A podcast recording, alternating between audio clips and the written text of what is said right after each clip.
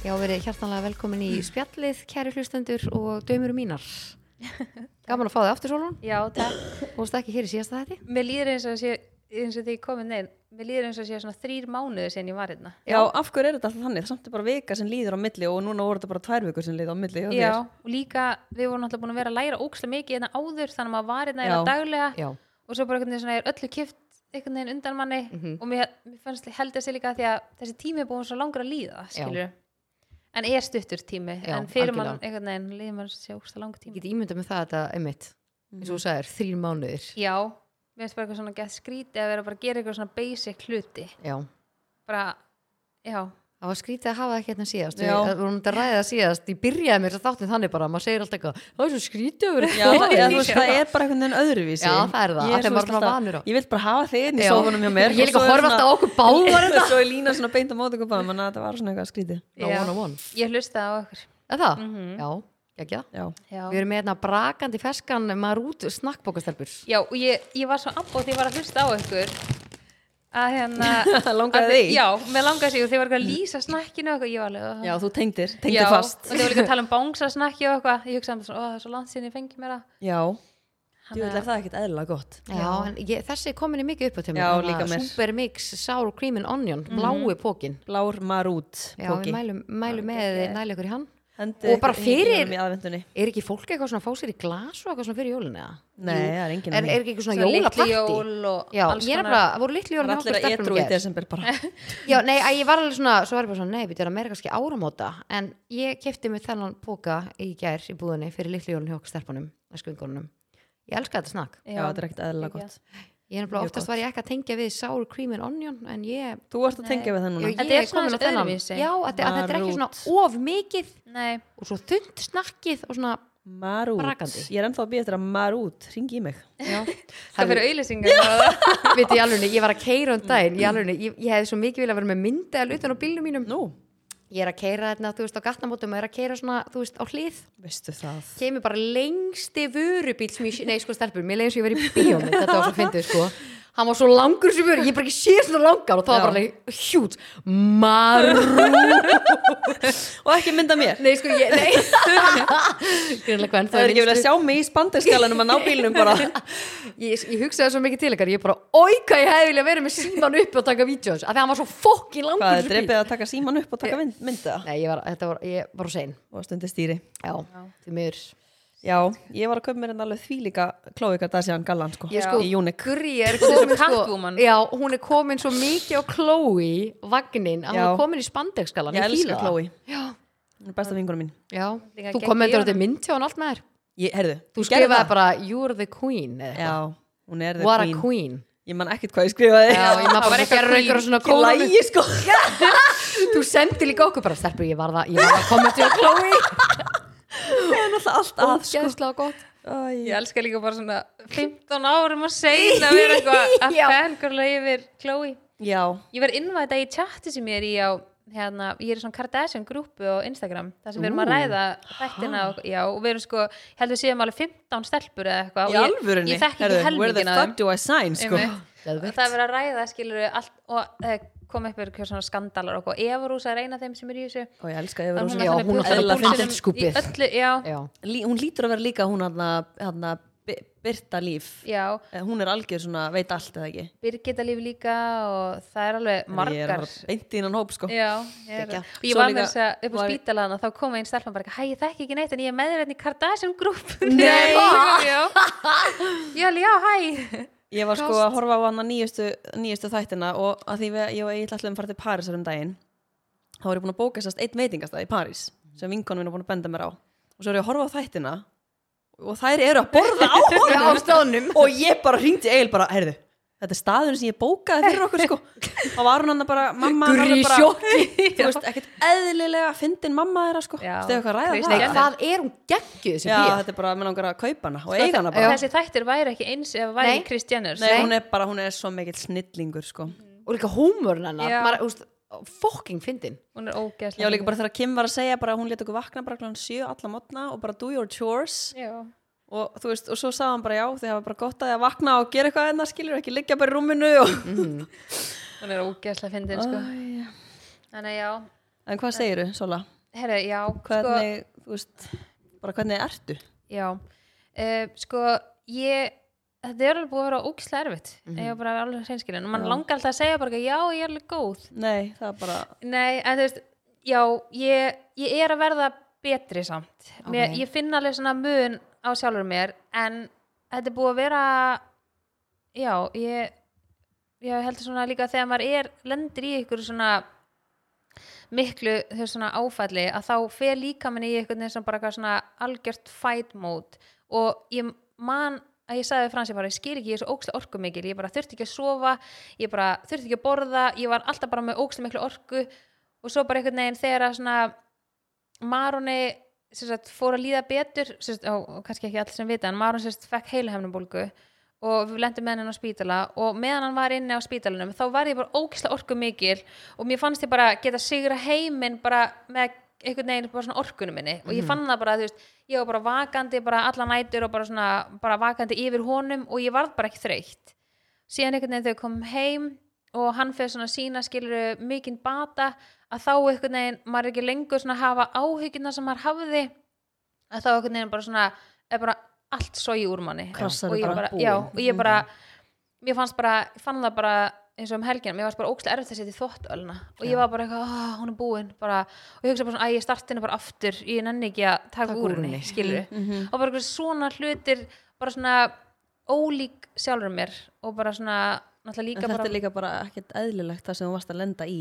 nei, þetta Það er bara, alveg þú veist, ef við tölum bara reyna íslensku, þá er þetta bara, já, já, ég held að þetta sé bara og martröð, þetta er búið að vera martröð mín bara frá því ég var ung sko Já. og við fórum með þetta við vorum að tala um þetta við Frans þú veist, bara frá því að maður var bara krakki í mann bara þú veist, frá því að ég var í fyrsta bekk þegar maður var að labba úr sundi, í skólasundi og bara ekki fara með svona blöytt hár út, þú getur fengið heilanubólgu bara verið með húu, þú veist, að þið hárum hans fröys Ég, en, en Úti. sko, er það mýta eða? já, já, það er mín þú, sko. sko, Lína, mundu eitt. Þú getur ekki fengið bakterjur á því að veða kallt. Nei, Það er þurfa einhvern veginn að komast inn í En líkamann akkur er þetta alltaf sagt um hann? en þetta er bara, veist, en þarna byrja bara svolítið hræðslan, bara Já. svona að það, það er eitthvað sagt við mann þarna, bara að þetta er bara það versta sem hún getur lent í, Já. skiluru og svo þegar maður lendir í því að þá emma bara á, já, þá held ég að sé bara einhvern veginn, veit maður ekki hvernig maður á að haga sér, sko Mhm.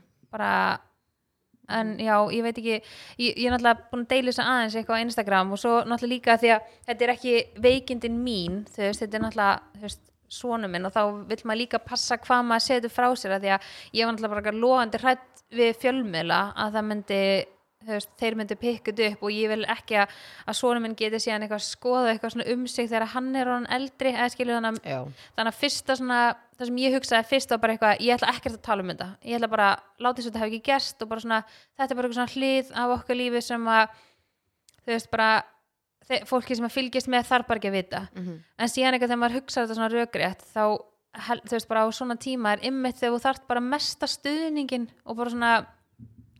maður sá bara eftir maður fann bara stuðningin frá öðrum.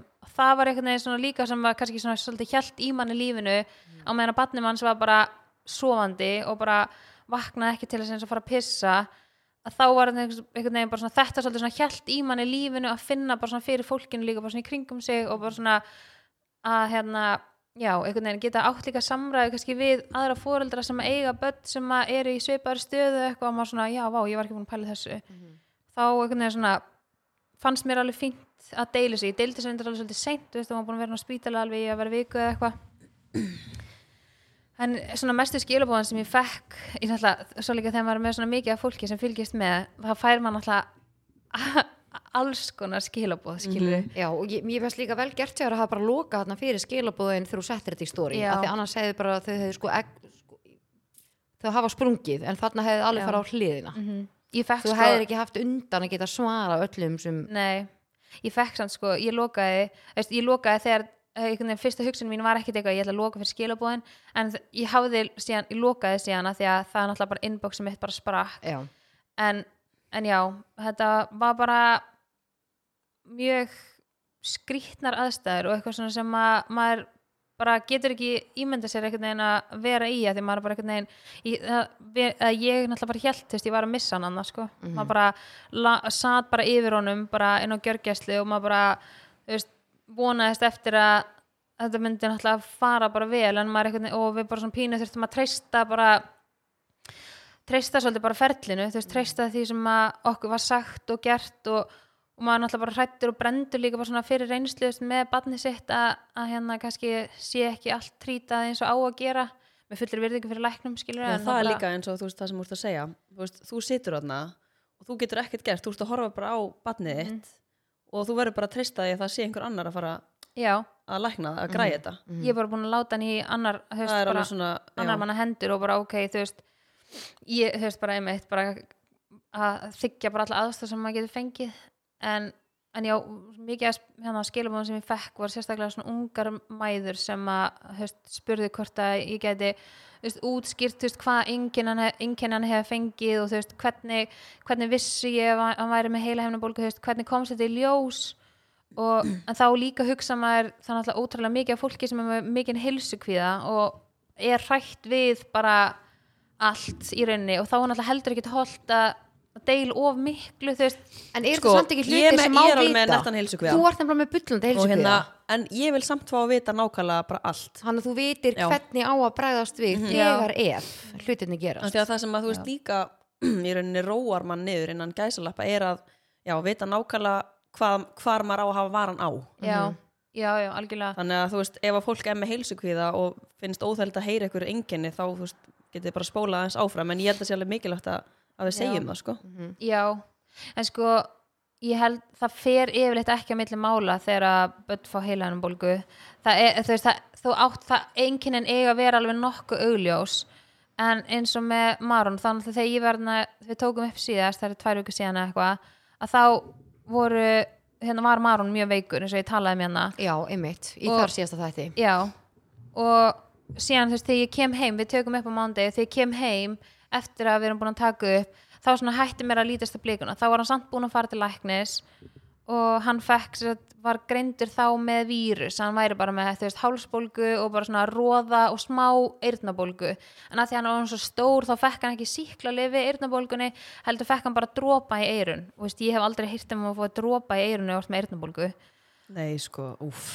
Já, og hérna Nei, bara í alvörinni Svo bara- alveg galið sko. Það er á sunnudegi, svo erum við hérna á mándegi að taka upp, ég kem heim og þá er mér bara svona stendur ekki alveg sama og hann bara er með ógeðslega mikinn hita. Og veist, við erum að tala um bara þú veist 41 plus og við bara náum ekki að lækka hitan og hann bara ælir stanslust og þá er náttúrulega bara eitthvað það er náttúrulega nóra og veikin að ganga og upp og niður og eitthvað og ég eitthvað svona já ok, en þú veist það er svo rosalega mikill hiti með þessu. Og hún bara já náttúrulega ef hann er með sýkingu eitthvað og þú veist þá er þetta líklegast ástæðan og ég eitthvað ok, en ég ringi tvisasunum á 1770 og ég er búin að fara með hann til læknis og í öll skiptin segi ég, já ég er bara svo hrætt við þessa heilanbólgu og hann á sunnudeginum það var bara eins og hefði verið pikka í mig. Ég bara fekk þessa heila hefnabólgu á heilan, bara bara, og Frans sagði mér bara í solvunum við verðum bara að treysta í að veist, ef hann er ekki, veist þeir eiga alveg geta séð það mjög fljótt ef hann er með það. Og ég var bara, ég er alveg viss um að sé með þessa heilanbólgu og Frans eitthvað svona, já, og ég sendi á vinkonu mín og eitthvað.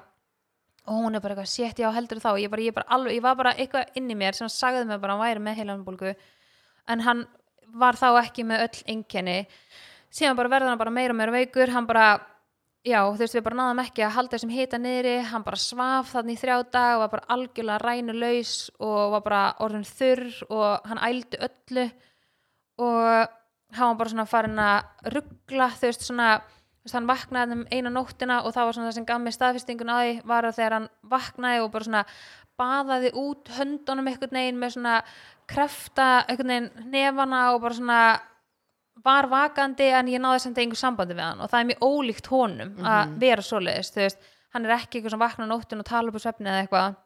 Hann, eitthvað, hann var að milla okkar og ég rífa hann einhvern veginn svona yfir mig og læta hann standa á gólfinu og tegi mig í brúsan hans og ég var svona að skvetta á hann bara til þess að reyna að fá hann til þess að bara responda við það sem ég er að segja við hann.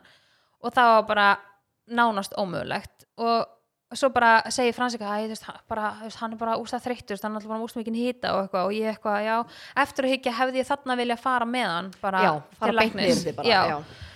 en einhvern veginn, allir búin að tala með frá því einhvern veginn, bara eitthvað, þetta er bara ógstlega mikið flensa ganga. Hann við fyrir að sofa, morgun eftir vak vakna ég og þá fannst mér hann bara svona ekstra skrítin ennþá meira ólíku sér og ég er bara eitthvað svona að tala við hann eitthvað að reyna að fá hann til að setjast upp og hann alltaf nánast fór ekki að pissa því að hann var bara, þú veist, held engu niðri. Og ég eitthvað svona reis hann upp og bara þegar ég er að reis, reis hann upp þá leið mér svona eins og ég væri með unga bat sem að held ekki haus. Hann bara svona bara svona, hann var algjörlega bara eins og gummikall, hann var bara svo linur og hann bara á, á, á, á fann bara allstæða til og ég alveg hvar finnur þið til? Og hann var alltaf búin að vera með óslega mikið eyrnaverk og illt í hálsinum, sérst hálsbólgu hálsinum.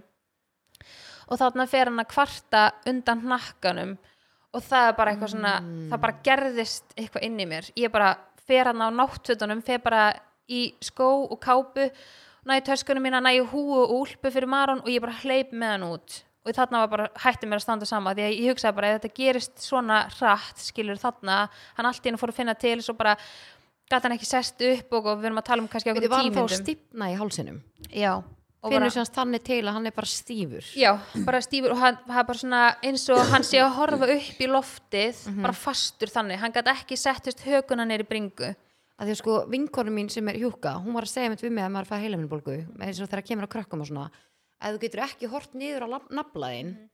að þá er það oftast já, eitt af einkjörnunum það að þú getur verið með að þú getur ekki hort niður. Já, það er stáðslega áhugavert, ég hef aldrei þetta aður Nei. Nei, þetta er sem, þetta er sko svona verst, þú veist, þegar þú ert komið þanga þá ertu alveg komið með heila heimnabólgu skilur já, þannig að það er bara byrjað. Já, þarna er, þú þetta alveg orðið alvarlegt. Já, En kannski undan nakka stífnunin þá, þú veist, er bara ótrúlega hár hiti já, bara rosalegur, rosalegur hausverkur bara, og þú veist, svo líka er Marun alltaf, hann er bara bann, þannig að hann getur ekki sagt bara heiði mamma, ég er bara með það mikinn hausverk þetta er ekki eðlilegt, já. Þú veist, hann veit það ekki, þannig að hann var líka ógstlega ljósfælin, þú veist, við vorum bara með allt slögt og mætti ekki vera neitt var í hann þá bara gangi hann hefur bara, hausverk, ég bara get ekki ímyndað með hversu kvalinn hann hefur verið. Og hann var bara, þú veist, svo var hann bara orðin svo þurst, hann var bara svona þurr í munninum skilur hann bara gati eða ekki talað og hann bara svona gat var alltaf sett hendunar svona að enninu til þess að vera þú veist, segja bara, þú veist, mér er svo illt í hausnum eitthvað, Oh hann bara mér er svo illt í enninu eitthvað. Þannig að ég hann eitthvað rík með hann út og já, má, enninu, af því hann hefur verið með Já, verkin bara hérna hausverk, framan á, nei, sko, ó, elsku Marun en þetta er sko hann á þriði degi eða eitthvað og þú veist, förum fyrst með hann til læknis á sunnudegi og svo þið teki hann, rík með hann hann út og feð með hann upp á heilsugæslu í, í Mosó. Og ég segi bara, þú veist, ég á ekki tíma en ég bara fer ekki fyrir einhver skoðan hann þú veist, bara, bara mér stendur ekki sama, hann er bara ógeðslega veikur og bara, þú veist, það verður bara einhver ég var bara ógeðslega desperate, þú veist, ég var hann bara grenjandi með hann, og skilur bara vissir að væri eitthvað. Já, og ég var bara, þú veist, nennir ykkur please bara hlusta á mig. Og að því að konan er 1770 og búin að segja við mig bara eitthvað, farðu fyrst á heilsugæsluna og láttu þá frekar senda í frekar skoðun, þú veist, ef hann fer ekki að borða og fer ekki að, veist, hérna fá eitthvað mat inn og hann er ekki að lækka hitan að því er náttúrulega ógeðslega hættulegt að vera með svona háan hita og sérstaklega hérna fyrir börn segja, að sagðu þau, sögðu þau við mig allána og svo býðum við hann heil lengi á læknavaktinni, eh, nei, heilsugæslinni í Mosó og bara, þú veist með fyllir virðingu fyrir þessari stopnun skilu og náttúrulega ógst mikið að gera og ég átti ekki tíma en ég var bara, þú veist, alltaf að spyrja bara er margir undan okkur og hún bara, þú átt sko ekki tíma. Ég bara, þú veist, þú sérði ég með með fárvitt bann, bara hleypið mér já, inn. bara please, þú veist, hvert annað á ég að fara. Sem að síðan loksins, þú veist, þegar Marun er búin að æla yfir okkur hann bæði og bara liggur ég þú veist að halda á hann bara í svona bóndabegi inn að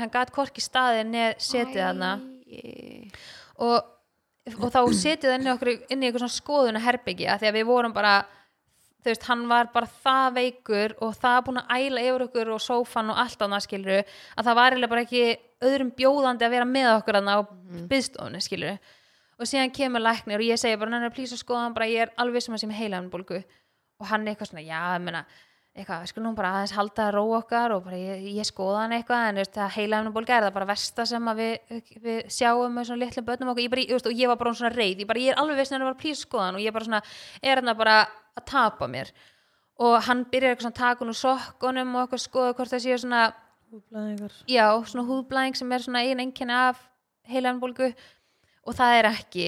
Og Maron alltaf, þetta er, Maron liggur veginn í einhverjum svona lazyboy og er einhvern veginn búin að koma sér svona ágætlega fyrir og er bara hann í einhverjum keng og hann eitthvað svona allar að, þú veist, er eitthvað svona að tala við Maron og skoður eitthvað í eirun og eitthvað hann segist, já, það er hann mikið í eiran á hann og eitthvað. Og mikið í eiran og þarna var sko hljóðhimnan sprungin en enginn sagði neitt og það bara fosslag úr eiranu bæði gröftur og vögvi og eitthvað allir jakkina, svo bara allir í grefti og annar öxlinni, hann sagði Æ. ekki er enga aðtöðsand við það.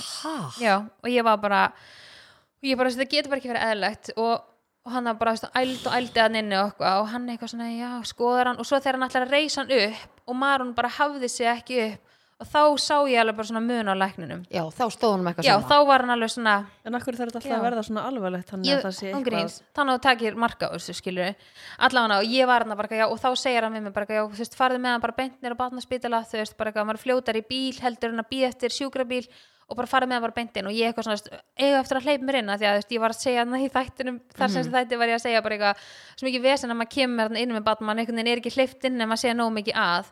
Og það er líka spurning sem ég fekk á Instagram bara eitthvað, þú veist, var viðmóti öðru sér núna? Já, af því að þú veist, það var búið að senda tilvísun og þau raunir byðu eftir að við kæmum. Þannig að við, já, förum hann að ég keiri með hann og ég, þú veist, náttúrulega þarf að halda á hann hann niður og út af heilsugæslinni sem náttúrulega bara ekkert grín þegar barnið er svona algjörlega bara, þú veist Seifir sig ekki já, bara þú veist, hann bara gat, þú veist, hann var, ég bara hjælt á rísa barnið hana Mm.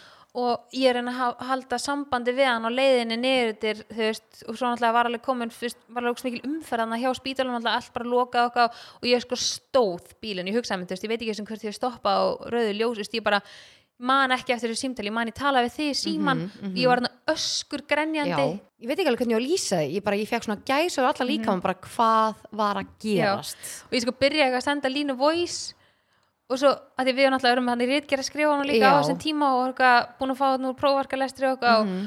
Og ég er eitthvað að byrja eitthvað að reyna að halda kúlinu og tek tvisa sem upp voice til að að halda kúlinu svo bara þegar að lína ringir akkur tími og ég bara og ég bara tapaði mér. Og ég er eitthvað að reyna að halda sambandi við Maruna því ég var svo hrættum að hann yrði bara meðutundalust Mhm. því að hann bara respondaði ekki við neinu og bara var sofandi hann aftur í eitthvað neginn í ógeðslega skrýtni stöðu í bílstólnum.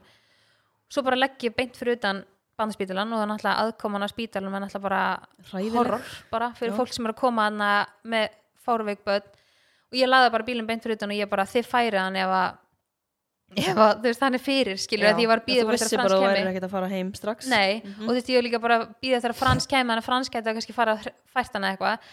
Förum inn og þá er þetta svona, fer þetta alveg svona hægt í gang fyrst, þú veist maður alltaf hittir fyrst hjúknarfræðing, svo hittir lækni og segja söm, svo- sömu söguna. Sömu sinnum. rununa aftur. Já. aftur og aftur og aftur. Já, og þarna lá Maron bara á einhverju sjúkrarúmi og veist, ég, og svo bara titra hann og titra hann og var ískall en samt var hann skilur með 41 stegs hita eða eitthvað. En ég var búin að sita þarna á hann húuna og veist, bara kápuna mína utan að vera hann og eitthvað og ég var bara þess nennir eitthvað plís bara nennir að vera ógsta fljót skilur ég bara, Mhm. þú veist, ég bara það er eitthvað mjög mikið að og eitthvað.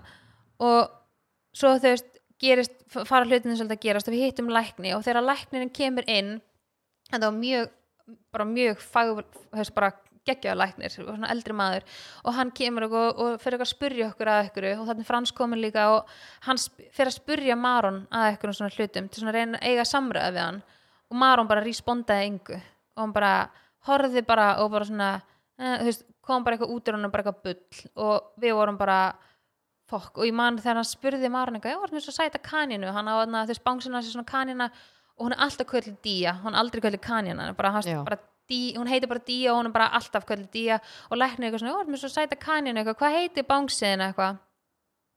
Og stend, eh, er eitthvað þarna þegar eitthvað reyna að finna æð til þess að setja á hann æðal, nei, já, æðalegg og blóðpröfu og hann eitthvað uh, uh, uh, og kemur bara svona bull út og svo bara horfir hann um mig og bara ég veit það ekki. Og þá, þá fór bara svona akút dæmi í gang. Að því þarna var hann bara gæti ekki setið, gæti ekki staðið mundi ekki neitt, vissi ekki hvar hann var. Þú veist, hann var ítrekka að byggja með um að rétta sér eitthvað sem hann hefði mist og hann misti ekki neitt, þú veist, hann lá bara hann í sjúkrarúminu. Og þarna Oh varð Frans líka svo ógeðslega hrættur God. og ég var náttúrulega búin að vera með hann hana, þú veist, og á þessum stutt á þessum tveimu tímum sem ég fór út heima þá til ég að koma með hann á batnarspítala brá Frans bara við að sjá munin á hann skilur, þetta gerði svo ógeðslega hrætt bara eiginlega frá því að hann hérna, byrjar að stípna svolítið að Já. um morgunin Já. að þá allt í einu byrjar þetta einhvern veginn bara alveg að fara þvílíkt nýra við. Já.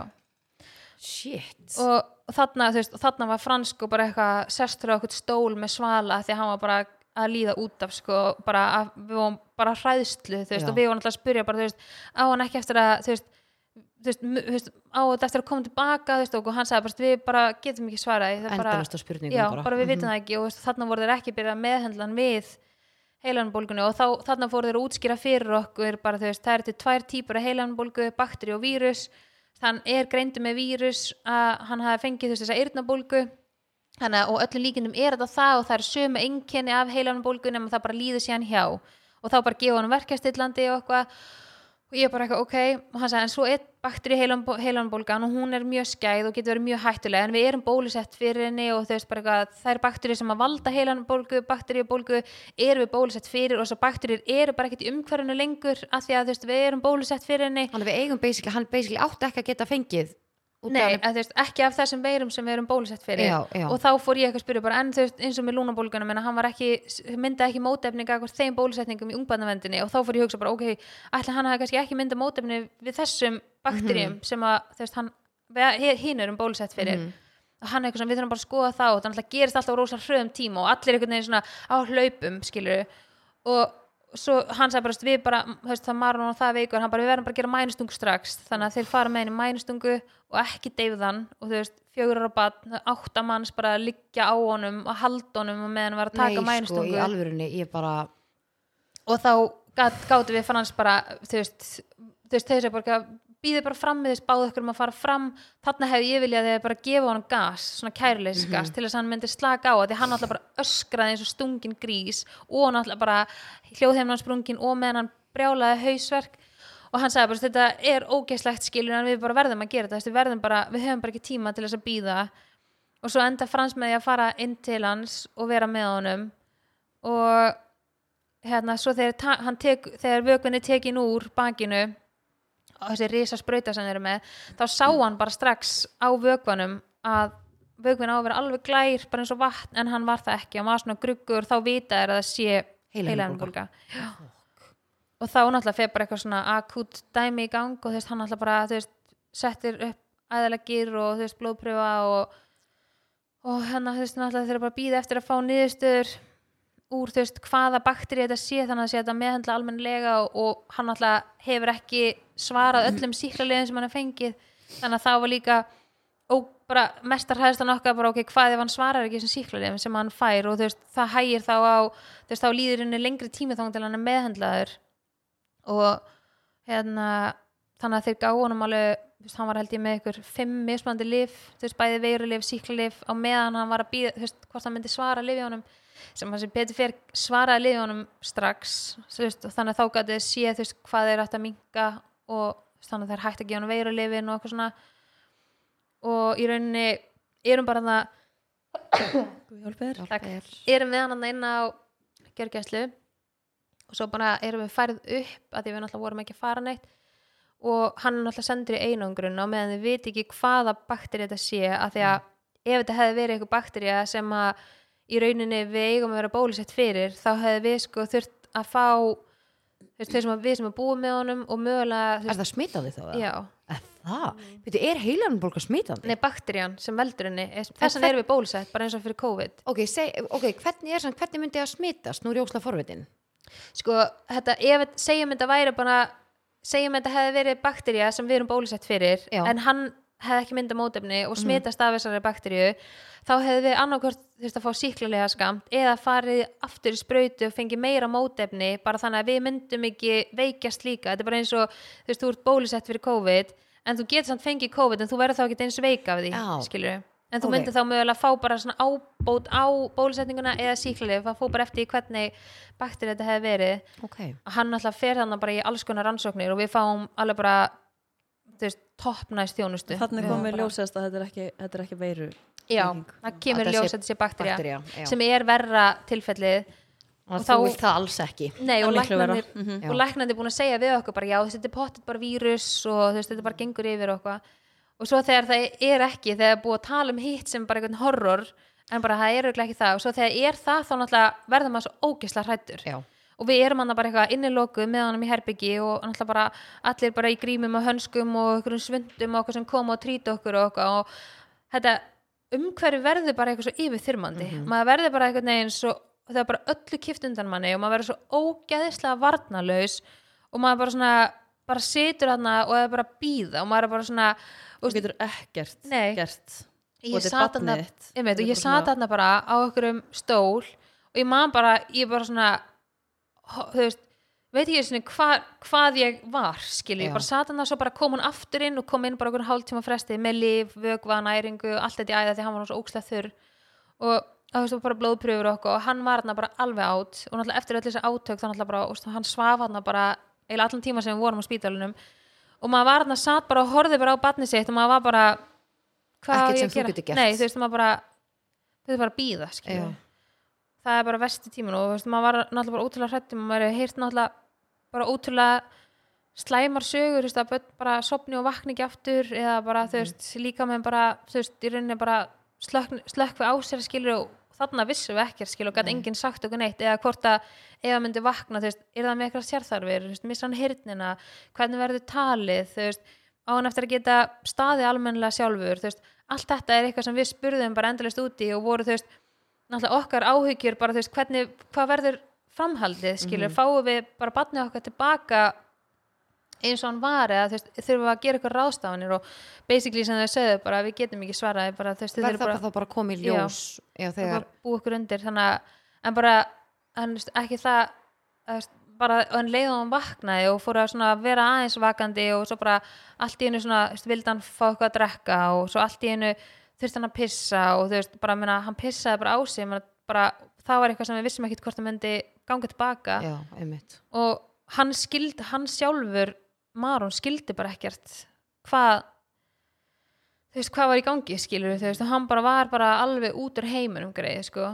Og það var svo erfitt að alltaf einhvern veginn líka vera síðan með annað barn á sama tíma, skilur mm því við vorum svolítið að skipta með okkur liði þú veist, fara heim, gista með mæsól skiptast á og bara eitthvað svona koma heim og, og veist, þurfa að vera sterkur skilur og þú veist bara græði skólan, þú veist, það var þarna tvær danssýningar í dansskólanum sem hann er í og svo seinasta sýning í þjóðleikúsinu og þú veist, maður bara svona lífið hjælt áfram, mhm. þú veist, á heimilinu og með hitt barnið en svo einhvern veginn, þú veist, fórstu aftur hann á spítalinn, þú veist, þetta var bara ógeðslegu tími og ég man ég bara grenjaði og grenjaði og grenjaði allan tíman og alltaf því fór út í bíl, fór út í bíl hérna af spítalinn þá svona kom svona sjokki yfir mann bara svona shit, þú veist, þetta er bara staðan og að fara bara hvað eitthvað gerist á meðan ég er ekki þú veist, ég fer og hvað hann fæ bara flókast þá eða hvað það var hann bara mónitorinn bara sýnir bara þú veist, það bara slokna á öllu skilur, þú veist, þessi hræðisla var svo mm ógislega mikil og þá að vera svona hrættur og þurfa síðan að líka vera sterkur fyrir hitt batnið sitt það var alveg svona fannst mér líka það versta sko. Já. og greið þú veist Mæsól þú veist bara að hún alltaf mátti ekki koma í heimsókn inn á hann að spítalan eða inn á deildin hans. Og það þú veist var líka ógæslega erfitt fyrir hana að reyna að útskýra skilur já, greið bara nei, Það þú mátt ekki, mátt ekki koma já. já, þannig að þetta var, já tók ógæslega mikið á en svo bara leiða maður kemur heim og maður þannig að halda meðfyrinni ennþá heima og þú veist, það er líka bara alveg meira en að segja að gefa honum ógæslega mikið að livjum og Já. þú veist, hann þarf að passa að skóla allt úr munnunum og tannbustan eftir á að því, þú veist, þetta er alveg ógæslega sterk liv sem hann er að fá og eitthvað og þú veist, þetta er einhvern veginn svona kannski pínu að hellast yfir mann núna þú veist, hvað þetta var alvarlegt. Og það mun 100% halda áfram þannig. Já, og eftir einhvern svona ákveðin tíma.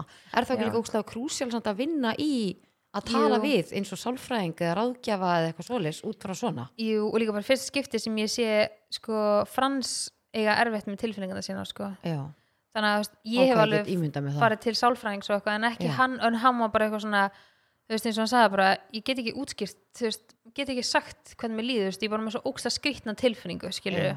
Og við varum bæði bara svona geðvitt, þú veist, búin að vera bæði svolítið svona skrítin, af því að oft þegar komið svona upp á, þá er hann alltaf sterkja aðilinn fyrir mig, skilur já, eins og þegar við lendum í þessu saman og þá erum við bæði bara svona, já, brotin einhvern veginn. Mhm, en ég er að býja því svari ég er sem sagt, hérna, óskaði eftir svona áfallahjálp fyrir Frans. Já, og ég ætlaði Flott. síðan bara að fara sjálf og Mhm. hitta þessu sálfræðingi minn. Mhm.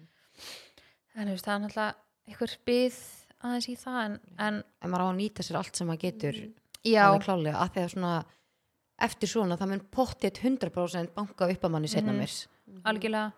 Þannig að núna erum við bara svona, þú veist hann alltaf með rosa lítið úthald og það er alveg svona eftirkvöst af heilaunubólgunni mm. þó svo hann sé alveg þegar maður sér hann, þú veist, þá sér það ekki, sé ekki eitthvað að, það er bara sem betur fer þannig að það er þólið og þannig já, sem að já, fæði svona hausverkja köst og verður mjög auðvitað mjög þreyttur og það geta orðið þú veist, svona hegðunarbreytingar hjá börnum sem fá bakteri heilanbólgu. Ok, svona sama sem merkja milli því að þú veist, það getur orðið svona, já, svona hegðunarvandamál og svona erfleikar í skóla og þú veist, náttúrulega, þú veist, skert heyrn og þú veist, svona einhver taugabóð sem að, þú veist, eins og þetta með piss í sig og ofta eitthvað svona sem að gerist og svona flogaköst og eitthvað Þannig að maður líka pínur svona ennþá stressaður og þú veist, ég finna alveg bara svona fyrsta skipti sem hann svaf einn í sínu rúmi í nótt, þú veist, auðvitað vill hann svo í sínu rúmi, Já. hann er bara vanu því en ég sef þá bara ekki. Næ Þú veist, ég er skil það bara mjög vel. þú veist, ég er bara vakandi 5-6 á með. skilur, já, og þú veist eða fer og enda með því að fyrir að sækja hann, skilur Mhm, mhm. og sem að því maður bara hrættur bara hvað, þú veist, ég veit ekki, kannski ég veit ekki hvað sem skytið að segja, en ég er búin að hrættum að koma eitthvað bakslag. Já. Já, er það ekki eitthvað sem að allir myndi hugsa? Jú, Þú veist, örugglega. það er það sem að myndi örgulega alltaf hræða mann. Mhm. algjörlega. En hann sagði læknirinn bara að væri algjörst kraftverk hvað það var búið að ganga hratt tilbaka öll enginni sem hann fekk og þá var maður náttúrulega við náttúrulega hefum aldrei hýrt ykkur aðra reynslu þú veist, hjá okkur um öðrum. En að þú veist, hann sagði bara að sjá hann bara koma lappandi en að sjálfa hann inn er bara ekki búið með lífegjöfun og hann sagði bara það er bara magnað þú veist, bara, og þá var maður Litli alveg, Maron. á ok, já hann, hann er búin að vera ógislega sterkur sko, og ógislega duglugur bara.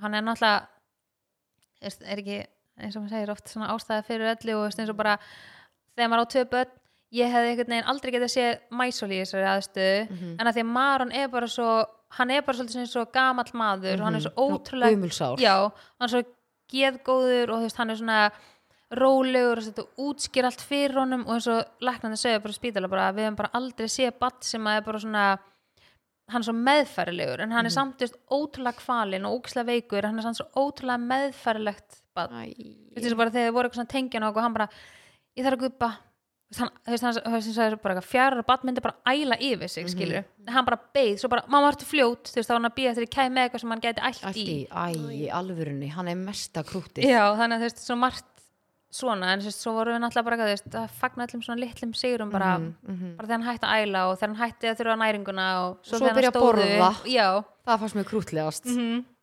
þannig að, og líka bara, veist, eins og bara, ég, og maður fann líka bara hvað maður, þú veist, maður fann fólkið sem að, veist, fólkið sem, var ekki sama og síndi Mhm. mann, maður sér það, það er alltaf sagt bara eitthvað, þú finnur það þegar þú lendir í sem aðstæðum, veist, hvað fólk standir næst Mhm. og ég er svo innilega sammála því að því að þarna fann ég bara, þú veist, eins og bara, þú veist, þið voru bara stanslist að senda á mig og bara svona tjekka á mér og allt það sem var náttúrulega bara ókslega þakkláttu fyrir. Og ég veit að fólki kannski líður eins og að sé eitthvað svona trubla mann Nei, mér leið sko, ég var bara, ég get ekki. alveg vel pirrandi, Nei, sko. og ég var líka bara, hvað á ég kannski bara að senda bara, þú hefur bara samband að það er eitthvað, þú veist bara ég er hérna. Já, ég veit líka bara alveg hvernig Sola er, þú veist, ef hún hefði ekki, þú veist, nefnt að svara á einhverjum tímúti, þá veit ég bara hún hefði, þú veist, Já, bara Beðið nógum með að vera. það. Og gert það svo bara þegar hún kæmist í það.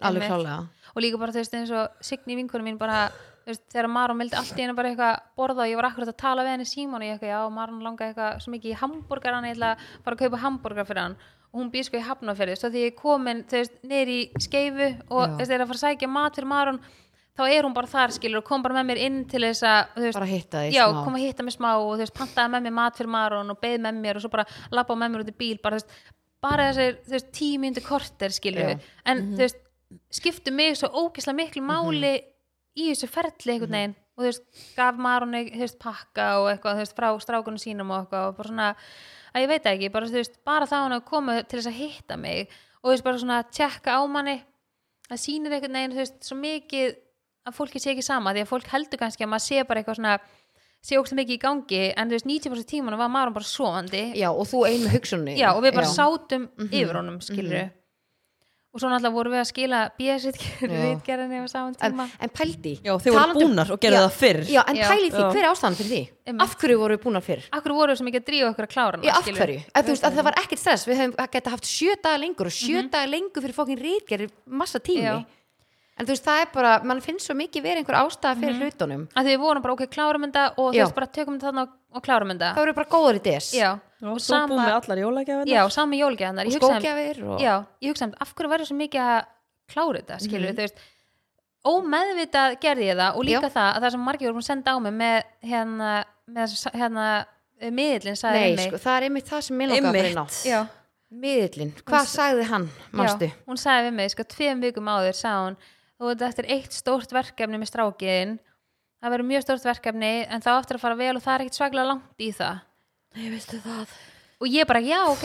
Og hún sagði bara, "Þú ert búin að- það er búin að vera eitthvað svona mikið svona veikindi með hann og eitthvað sem er alveg rétt skilur, við erum búin að gangi gegnum alls konar með hann. En ég hugsaði bara svona, já, að því hann er talþjálfun ég hugsaði, hugsa, já, hún er örugglega bara að meina Já, það. þú helst um að tala um já, það Já, ég held, já, þú veist það er kannski bara eitthvað sem að, þú veist við erum að fara í núna, skilur Mhm. en nei, það var aldrei ekki talþjálfun það því að þetta er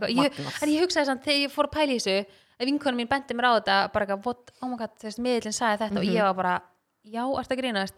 Þá hugsaði ég, ætla hún hafi séð hvað væri að fara að gerast? Eða ætla hún hafi bara kannski hefur hún ekkert endilega séð hvað en hún hefur kannski séð að var eitthvað svona eitthvað. Mhm. magnað. Já, þetta er bara galið sko. Já, en já, talandi um allt þetta þá hérna, ég hef vel hana mjög skemmtilegt verkefni framöndan hérna í, í podcastinu. Já, heldur betur. Var alveg úr mjög er bara- samtali já. og úf að reyna að koma sér í peppgerinn sko. ég Já, það er allan smá gulrót framöndan, Já. eitthvað svona skemmtilegt sem við erum að fara að gera á samt vonandi ykkur hlustendum. Já, við erum að fara að vera með forsýningu á Jólapartí Já, fórsýningu jólapartí forsýningu, úrslega langt. Já, með hérna Whitney Houston myndinni. I wanna dance with somebody. Mm og pæli í því myndin er ekki sínd út í heimi fyrir Já. nokkru dögum eftir hann að við erum fyrstar að fá að sína þessa mynd. Hún er sínd annan í jólum, byrja annan í jólum og við erum að fara að sína hana. Þið getur komið með okkur á þessa síningu 20. desember. Já. með sex dögum fyrir let that sink in. Sem hefur En við þið, ég er ég er ógislega peppu af því að ég, náttúrulega, sko mitt uh, go to karaoke-lag er hérna I wanna dance with Já, Já, þannig að ég er vel spennt. Já, en þetta er semast ætlað þannig þetta er semast, við viljum bara gera eitthvað með ykkur sem er að hlusta og okkar vinkonum að sjálfsögðu og bara við saman og gera eitthvað svona aðeins úr þetta er svona nokkru dögum fyrir jól aðeins að kúpla sér frá eða fólk er í stressi eða eitthvað svo leis fara í bíó þetta er semast verður 20. desember klukkan 8 Já. byrja myndin en það verður semast fordrykkur áður semast klukkan 7 já við ætlum að bjóða upp á einhverjar bæði óafengt og áfengt. Já, já. Þetta verður, ég er ógst að koma með okkur í bíó. Já, en við hérna miðasalan byrja 16. desember sem er á föstu dagi núna þessara viku. Og ég held að þessi best bara ef að þið followið okkur á Instagram á spjallinu og við deilum linknum þar til þess að minna ykkur á. En annars verður þú veist, miðasalan byrjar formulega á já, og það er ekkert eitthvað brjálaslega margir miðar. Nei, Nei, ég þetta er bara að segja þetta er, þetta er ekki, er ekki eitthvað við erum ekki með þetta í stóra salnum. Við ákváðum að hafa þetta pínu svona Persónlegt já, já, Lína ætlar ekki að taka lægið jú, jú, eða ekki? Jú. Ég held að. Við verum eins og okkur gómar fyrst eitthvað að kynna myndina og þakka fyrir komuna og ég er Já, ógst já, spennt fyrir þessa mynd. Já, ég ég er bara ég mjög spennt fyrir þessar mynd. Þannig að þetta er bara okkur langar Við bara að gera viljum eitthvað fá með ykkur. ykkur í bíó með okkur. Já, Já. alveg klálega Þannig að fara inn á Instagram, uh, hendi í follow á spjallið. Já, og fylgist þið með á föstudaginn. Já, en við erum ógstlega spenntar fyrir þessa sýningu og spenntar að sjá ykkur sem að komið og næla ykkur með og komið með okkur í smárabíó í jóla, jólabíó. I wanna dance with somebody. Já, litla veislan. Einmitt. en já, erum við ekki að henda okkur aðeins í digest umfjöllun eða? Jú, ég verð að segja ykkur. Þú ert með sögu. Ég er með sögu. Og hérna ég er nefnilega, sko ég hef aldrei getað bóra hangikjöt að ég fæst illt mann hangikjöti. Og í gær var ég eitthvað bara að kreyfa hangikjöt að ég er búin að vera að bóra svo mikið hangikjöt á flatköku. Og þú sagði Fransi bara eitthvað getum við ekki bara svoðið hangikjöt og skorið það svona þund niður og þú veist bara haft á, á flatkökur og eitthvað? Hann hefði ákvæðan síðan að bara vera með hangikjöt í matin í gær. Og með svona litli jól og mamma var í mat og eitthvað bara þú veist típjast eitthvað svona uppstúf og hangikjöt og eitthvað. Og svo mamma búin að vera að geta skrítin all tíman og, og svo er ég bara eitthvað og svo allt henni segir hún bara "Þú veist, er ég eitthvað rugglað er ekki bara svona þú veist, tíu ári eitthvað sem þú borðar hangikjöt? Ég held að þú er alltaf bara gett veika hangikjöti. Og ég var bara eitthvað jú, sko er með lausn. já, já þá kom ræðan. Já, og þá var ég eitthvað að segja við hana að ég bara eitthvað, já, þú veist, hann að töflur hana, dætist töflunar og eitthvað, ég bara, ég bara ég fæ ekki illt í maðan eða ég tek þess það er bara svona hjálpa hérna meldingunum minni og eitthvað, því ég fæ vanlega og það tengja flesti við að svona oft svona reykt kjötun alltaf útrúlega þungt í magan en þú veist, mamma hjælt bara actually, ég yrði bara veik, veik, af því að mamma er alltaf með hangi kjöt og jóladag og ég er alltaf bara eitthvað fæ með veist, bara svona eina flís af því skilur og svo bara meðlæti. Og mamma var bara þess að ég hefði bara stótt á hausin eða eitthvað gerði, ég bauði henni bara hefði með hangi getur uppstú og hún eitthvað, hei, já, ég kem í mat. Og ég held að haldið að ég að á diskana setti ég bara svona digest hjá öllum já, og við fengum okkur öll digest. Það var engin svona, uh, svona þung. afvelta já. já. Ég bara fann ekki neitt. Þetta er bara magna ég er að segja, þetta er bara undra vara. Ég bara, er bara það verður ekki tekið að það er ekki skrítið að þetta sé mest selda meldingar ensímin í Mér Af öllu maður, þú draslinu sem er að til. ég hef alltaf verið pínu svona þaninn. Já, Þa, það bara gerist ekki lengur já, þetta, þetta Þetta er galið Þannig að fyrir það hátíðanar haldi allir við sem að ljúa Nei, já, einmitt. en fyrir hátíðanar og öll jólabóðin og allt þetta, kynni ykkur þetta þetta er í highlights á Instagram, hjá Instagram. spjallinu og þú veist það getið lesið hans meira um að þeir eru til nokkra típur en annars fæst þetta í apotekum, hagkaup, netto og fjárðakaupum, já, ekki? þetta heitir síðanst að digest Já. Takk. Thank you, Thank you. Thank you. Takk. en eigum við að henda okkur í turn off Já, stelpur sleppa mínar? hvað gerir það? Ha? Ef að sleppa hvað gerir þú? Ú, nei, herru, þú var að koma með varst Já, sko, má ég, ég bara koma með eitt. Já, Það er ekki langt. Nei, ég er óslega til Ég já er bara óksla forvitin að vita hvað þið gerið í þessum aðstæðum. já, komdu með það. Eru þið tilbúin að? Djúðlir til. Tilbúin, veistu það? Sko, nú er að fara inn í Já, Þið sjáu, ég er ekki með þetta niðurskrifa sko. Nei, maður er svona Þetta er rosa hausnum góður að muna. Sveimhugurinn. Ok, hvað gerir þið? Þú ert í dinner á rosalega flottum veitingastað. Ok, oh Svona- my god. Gummi, Kíró og Læn vænt. Ok, og það er bara, þú veist, ógeðslega gaman það er skemmtilegt fólk, allir ógeðslega fínir allir hafa gaman og allir að borða. Og ég er ekki sagt hvað skeitum í sig það? Ég er fyrsta sem í hug og þú hellir fiskisósu Nei, yfir rúrik. Nei. Ég fíla Fiskisósu, hvað varst það að hún var appisnugur á litin Oh. Bíti, bíti, bíti, lefti þú í því? en ég er að spyrja ykkur hvað þeim myndi gera bara. Já, já, Já. Ég, fisk, ég er bara, ég myndi, ég myndi, nei sko, ok, að hella við sig er pyrrandi, en ég myndi, ég myndi, ég myndi deyja, ég myndi hella, ef þú var óslega fín, ég myndi hella við yfir erum að tala um ykkur. bara slaufa og bara Já, nei, sko, og myndi, allt já, kvöldið og bara framundan. hvít skýrta. Nei, ég, ég myndi, ég hef dáið. Já Nei, ég taka saman að farið. ég lendi smá í þessu í fyrra á aðfangandag þegar ég var með fullan súpudiska appisungulari humasúpu og ég held henni yfir bróðum minn. Nei, ég var að bera það á borðið og ég var munið næstu búin að missa puttan þetta Já, ár er búið já, að vera svo úff.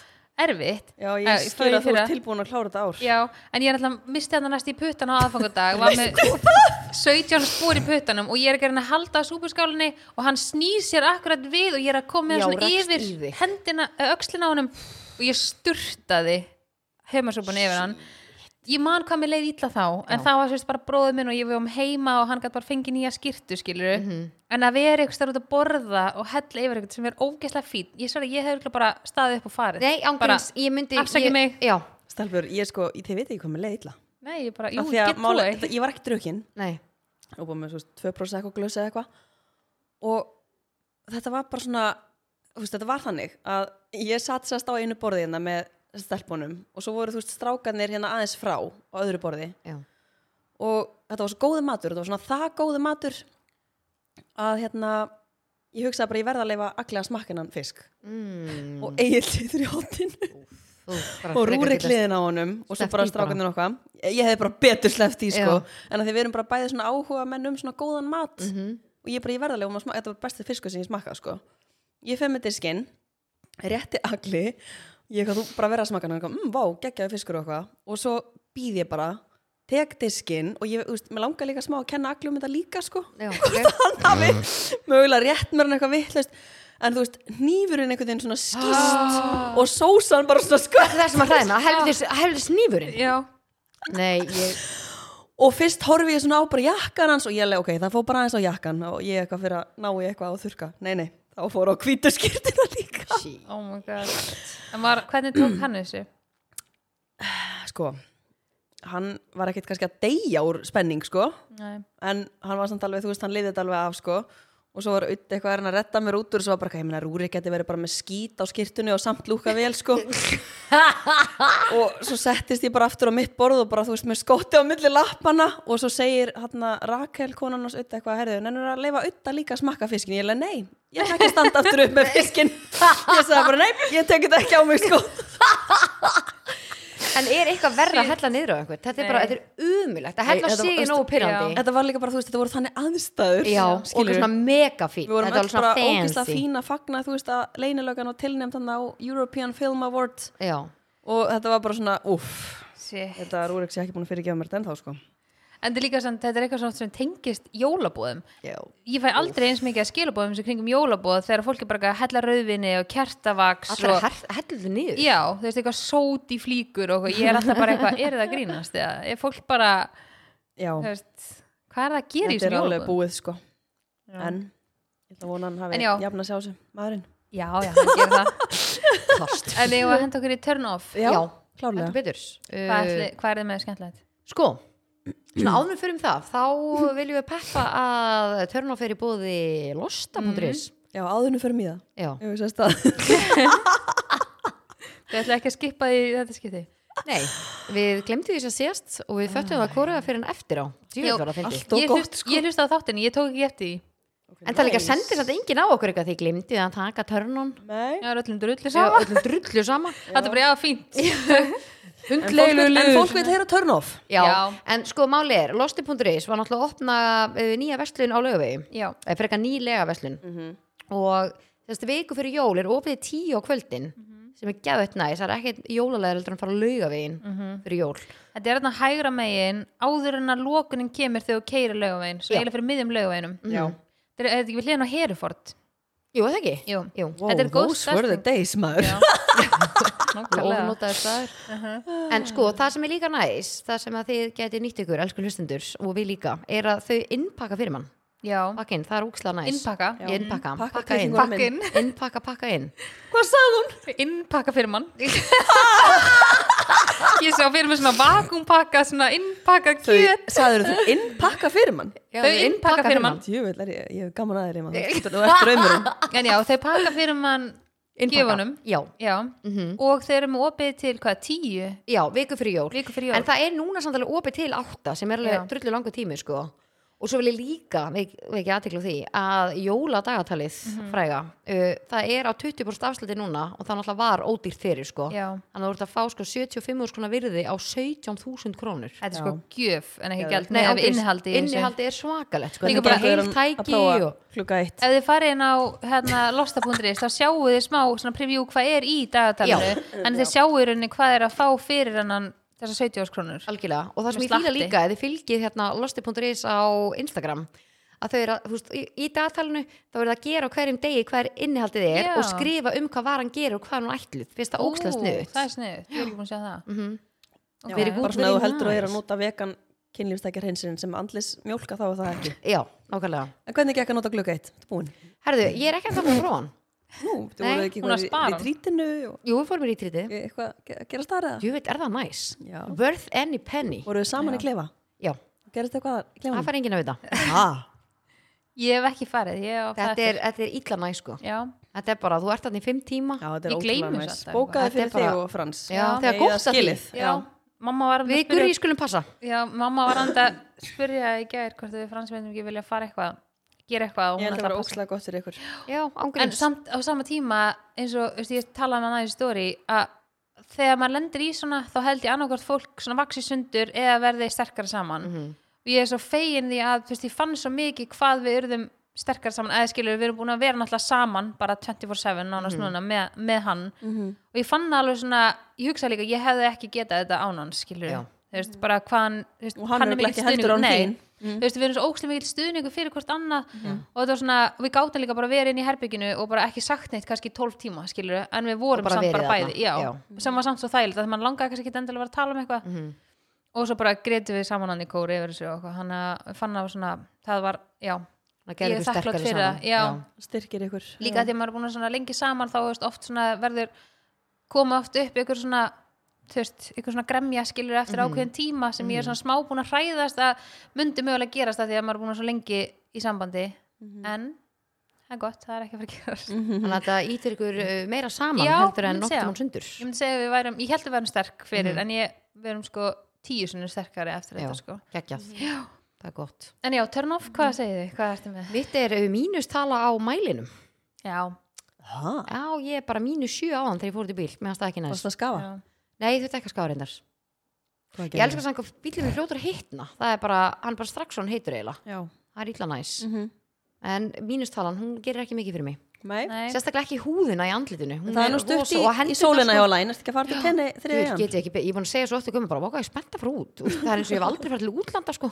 Ég, bara, ég finn það bara, það er búið svo ógeðslega mikið törn að ég er bara svona, já, og alls konar mismunandi Já. þú veist. Þannig að ég, er ég get ekki beðið eftir að fara bara í sólina og bara já, Mhm. vera bara að svara e-mailum og þannig skilju og skilabóðum og ekkert, ég ætla ekkert að gera umfram það takk. Nei. Nei, ekkert samlí eða neitt svona. En hvað er þitt turn off? Það fyrir ég bara, ég er ekki með turn off sko. Nei, það er ákveðið turn off Ég veit það.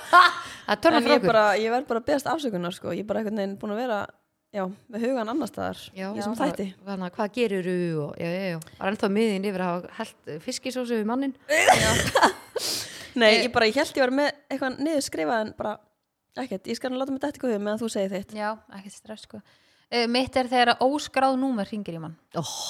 það er svo pyrrandi En ég minna, sleppur ekki bara svara jú, en þú veist En þú ert svona óskráð, idiot. Já, ég er það. Kemur úr hörðust en ég er aldrei að ringi Já, betur eftir ekki að meina að það stendur no caller idea nei, ég er að meina þú veist, ef ég flett upp í jábúndur Já, það kemur, já. Sko, kemur úr hörðust já, ég veit það, en veistu, veistu hvað? Halló! Ég held að vera að tala um, þú veist, að ég er sammála turn off þegar það kemur no caller idea. Já. Já, Því það ég er er þreytar en þreytt Það er sko. mjög þreytt. Þá veistu var- bara að það sé eitthvað símati en sko, þú ég ringi aldrei í eitthvað sem á ekki von á símtala frá mér. Já. ef, ég væri, ef ég var að vinna þannig vinnu ég þyrfti að ná í fólk, þá væri ég með númerum mitt skráð skilur. Ég er alveg með númerum mitt skráð á Facebook og eitthvað en þú veist, ef ég væri að vinna við að ringja út í fólk þá myndi ég alveg hafa númerum skráð. En ef eitthvað svona vinnutengt númer ringir, eitthvað fyrirtækjanúmer og það bara kemur ekki skráð ég svara því það ekki já, held ég að sé eitthvað að fara að ruggla mér. En hvernig er samt hérna, er ekki til eitthvað svona app hana sem tengir svolítið við já.is þannig að þú sjáir númeri hvað þetta er? Ég held að tengi bara jábúnduris við símaskonan eða eitthvað svona. Ég þarf eitthvað að vinna með það. Já, þegar kemur svona could be eitthvað, hérna. Sigurður Jónsson eða Það er eitthvað. alveg næs, ég þarf að hendi í það. Já. Mm. En já, þetta var skemmtileg þáttur Já, ekki. Já, já það svo skemmtilegur og þungur og, Æ, það, það er samt svo frel- svo frelsandi að þú veist, líka geta bara tjáð sig skilurðu. alveg klálega og ég held að það sé líka bara gott fyrir hlustundur að vita kannski, einmitt eins og þú segja fara svona yfir einkennin af mm -hmm. þannig að fólk sé kannski Já. meðvitað Það er líka bara, þú veist, þegar það er um svona heilunubólga ræða þá skiptir bara einhvern veginn tíminn rosalega miklu máli já, hann sagði það líka við okkur Það skiptir rosalega miklu máli bara að þú veist að bregðast hratt við. Mm hann sagði bara, veist, hver, hver klukktími skiptir mjög miklu máli þegar þetta er orðið svona alvarlegt. Já, en svo magna líka bara eins og núna ég upplifi svona þú veist, þennan jólatíma núna svo öðruvísi, eða skilju svona, Já. maður er miklu svona þakklátari og maður er miklu meira bara svona að ég veit ekki, allt sem að skipti með máli hérna áður, mér er stókslega gaman að pakkin gjöfunum og gera mm. þá fína og föndra og svona, ég er bara pff, Já gæti það ekki má bara eiga Já. sig Já, en það er það ekki eitthvað lífsmikilvægt. Nei, ég er að segja, þú veist, einhvern veginn svona þegar hugur manns breyttist svo mikið þegar maður lendir í svona aðstæðum, skilur bara svona hvað virkilega algjörlega niður á jörðina. Já, þú veist ekki það að ég hefði eitthvað tíma látið það ganga fyrir börnum mín, skilur. Mhm. en bara einhvern veginn svona, maður hafði bara miklu meiri tíma í það veginn og það svona var, veitti manni ánægju. Maður svona sér einhvern veginn Tökum þið svo ekki jóla þátt næst? Jú, Næstu viku, eða við ekki? fengum hérna spurningur um það. Já, hann er sérst, þá er það, já, miðugdagurinn 20. og hvað, fyrsti. Ú, eftir bíóið. Bara kortir í jól. Já, eftir bíóið. Býtu bíó er á þriðju degi Það er á þriðið Já. veist Þriðdaginn 20. Ah, klukkan nice. 8 eða ekki? Jú, Jú, Vindin á spjallið, follow okkur og við uh, postum frekar upplýsingar. Jó við ætlum líka að gefa meða Já, herðu. Gleym því. Ég ætla- Já, ætlum við ekki að gefa á gramminu? Jú, við ætlum að gefa tíu meða á Instagram. Já, Ef við gefa þau svona tvo og tvo saman þannig að ykkur getur tekið vinn með þannig. og Klárlega. getur líka valið sæti þannig að þú Já. þetta er ekki eitthvað svona æ, eins og fyrir mig, mér er stótt pyrranda að mæti svona, og það er ekki númer sæti, Já. ég veit ekki hvað ég á að sitja. Já, bara, já, já. eh, Má ég sitja hér? já, það eru kannski einhver hópur saman að þú veist, Já. já, Já. það er mjög næs. Þá Ég bara þú veist, því fyrr sem þið farið inn á meðsöluna því betri sæti fáið þið, getið valið ykkur. Og aldrei veit hann að Lína Birgitta takja upp á oss karaoke-lagi sitt sem er I wanna dance with somebody. Kratti, Nei, hvað er er að tips sem Og við fólk verðum var- nei, pæ- Þú, er, þú ætlar að fara að jamma eftir Já, þetta. en pæti, fólk væri bara eitthvað allir sé eitthvað aðeins Nei, við vorum búin að ræða það, fólk væri ekki þannig. Nei, það er Ég meina, dóttir mín tók mækin í jólaballi gær og fór að syngja. Ég hugsaði bara líka bara, hún lítur á eitthvað skild með þessi. En já, við bara Takk hérlega